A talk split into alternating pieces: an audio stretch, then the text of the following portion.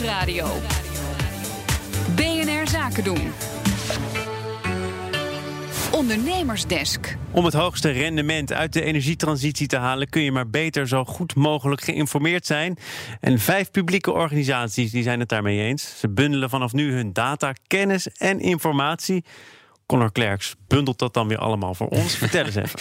Ja, het gaat om een uh, nieuw project in opdracht van het ministerie van Economische Zaken en Klimaat. Dat project dat heet Vivet en staat voor uh, verbetering van de informatievoorziening voor de energietransitie. En in dat project gaan CBS, RVO, het kadaster, het planbureau voor de leefomgeving en Rijkswaterstaat dus data bundelen.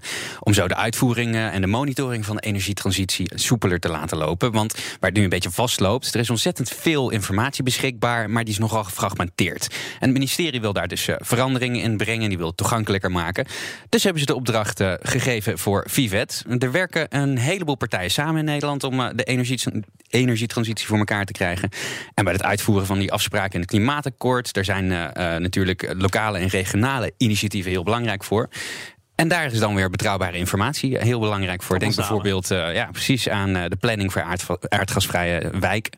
De vraag is natuurlijk, ja, wat betekent dit nou voor ondernemers? Maar voor we zover zijn, was ik eerst benieuwd om wat voor data dit nou eigenlijk gaat. En met die vraag ben ik gaan praten met Ans van der Bos. Zij is manager duurzame warmte bij het ministerie van Economische Zaken en Klimaat. Ja, dat zijn verschillende soorten data. Uh, allereerst uh, gaan ze kijken naar de energieinfrastructuur. Dus waar ligt welke energieinfrastructuur? Dan gaan ze kijken naar bijvoorbeeld de warmtebronnen. Waar zijn welke warmtebronnen beschikbaar? Want daar zit een data-achterstand. En ze gaan ook kijken welke gebouwen zijn op welke energievoorziening aangesloten. Ja, met die data gaan ze dan aan de slag om zo dus die regionale en lokale overheden beter te ondersteunen. Uh, nou, de energietransitie is een transitie waar uh, zowel gemeentes als provincies uh, ook een hele grote rol in hebben. Zij gaan de komende jaren allemaal plannen maken, bijvoorbeeld hoe gebieden van het aardgas afgaan.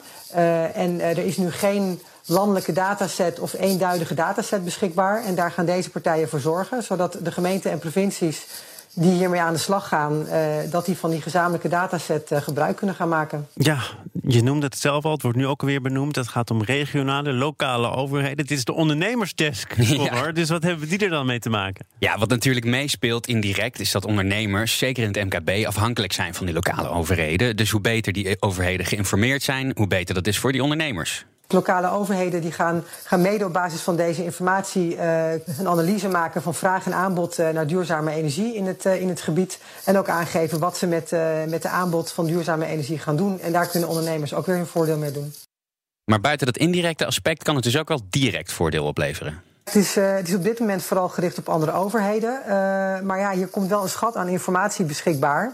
Die informatie gaat openbaar beschikbaar zijn. Dus ik kan me voorstellen dat uh, zeker richting de toekomst het voor ondernemers misschien steeds relevanter gaat zijn om die data ook tot hun beschikking te hebben. ik denk bijvoorbeeld aan een, een, groot bedrijf die kan kijken of er misschien warmtebronnen in het gebied aanwezig zijn om, om zichzelf van warmte te kunnen, te kunnen voorzien. Of in het kader van energiebesparing kan er ook nuttige informatie in de dataset zitten. Ja, het is allemaal al officieel begonnen, of niet? Wanneer gaat deze krachtenbundeling echt een feit zijn? Ja, ze hebben deze week de samenwerking, samenwerkingsovereenkomst overtekend. En daarmee zijn ze in principe al meteen van start. Dat project dat gaat lopen tot en met 2022. Of tot moet ik eigenlijk zeggen 2022. En per jaar wordt er een apart werkprogramma opgesteld. En hier gaan ze mee beginnen. Nou, als eerste uh, richten we ons nu op uh, de infrastructuur en, de warmtebronnen. Uh, dat, zijn, dat, is, dat is belangrijke informatie die niet overal beschikbaar is. En gemeentes die zijn al vrij snel aan zet om dus plannen te maken om wijken van het aardgas af te halen. en daar hebben ze die informatie echt voor nodig. En nou, de volgende jaren, we gaan aan het eind van het jaar kijken welke informatie we allemaal hebben kunnen verzamelen. En wat er dan voor de komende jaren nog nodig is. Dat wordt het werkprogramma van volgend jaar. Ja, zij gaan aan de slag. Ik ga het project in de gaten houden. En uh, zodra dat er interessante ontwikkelingen zijn, dan kom ik er weer bij praten. Ja, maar zo lang kan ik helemaal niet wachten, want je bent er morgen toch alweer, hoop ik. Morgen ben ik er zeker weer. Connor Klerks, tot morgen dan. De Ondernemersdesk Energie wordt mede mogelijk gemaakt door Enpuls. Enpuls, baanbrekende ideeën voor de energietransitie.